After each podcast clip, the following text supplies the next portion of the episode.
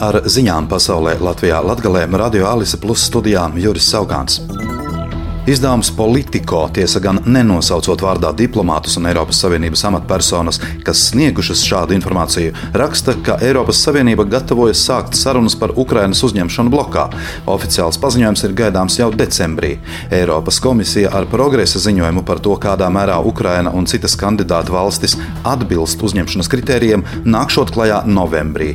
Mērķis esot politiski vienoties par sarunu sākšanu, bet juridisks lēmums Ukrainas uzņemšanas lietā var varētu tikt pieņemts jau 2024. gada sākumā.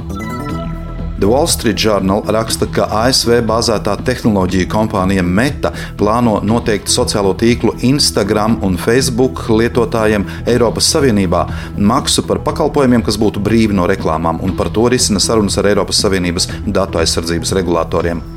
Lietotājiem, kas negribēs maksāt 14 vai pat 17 ASV dolāriem līdzvērtīgu summu mēnesī par piekļuvi meta lietotnēm Facebook un Instagram, nāksies pieņemt tā sauktās personalizētās reklāmas, kuras ļauj sekot lietotāja tiešsaistes aktivitātei.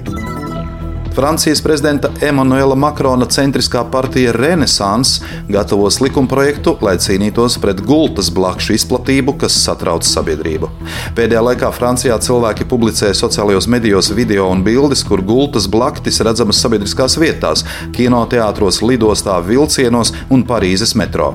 Tikmēr Francijas veselības ministrs Aureliāns Ruso intervijā radio uzsvēra, ka blakšu jautājumā pamata vispārējai panikai nesot, uztrauc vienīgi tas, tas, lai cilvēkus nekrāptu firmas, kas liek viņiem maksāt divus vai pat trīs tūkstošus eiro par blakšu iznīdēšanu.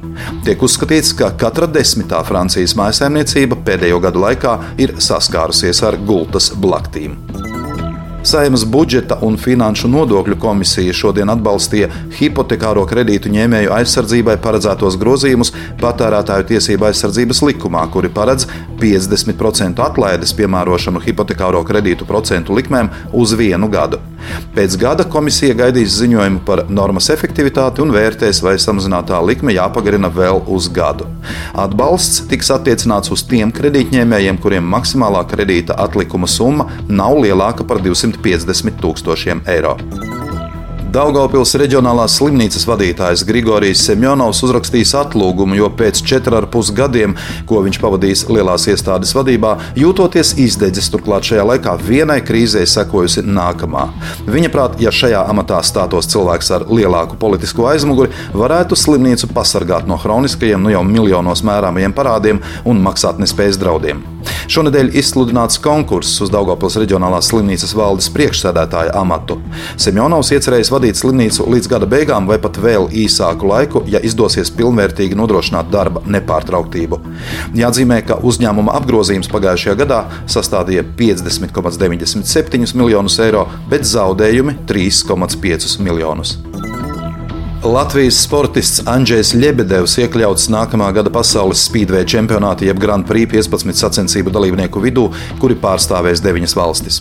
Grand Prix 2024. gada pretendentu sacensībās 19. augustā Zviedrijas trasē Jislavēdā uzvarēja un vietu nākamā gada Grand Prix sacensībās nodrošināja bijušais pasaules čempions austrālietis Jasons Doils. Lebedevs Jislavēdā ierindojās 7. vietā, bet kā Grand Prix šā gada sezonas pirmais rezervis speciālists, startēja sezonas piecos pēdējos Grand Prix posmos ar 30 punktiem, ieņemot 16. vietu kopvērtējumā. Ar ziņām studijā bija Juris Saukāns par ziņu raidījumu Ziņas bez robežām pasaulē Latvijā Latgalē saturu atbildi Sijā Alise Plus. Projektu finansē Mediju atbalsta fonds no Latvijas valsts budžeta līdzekļiem.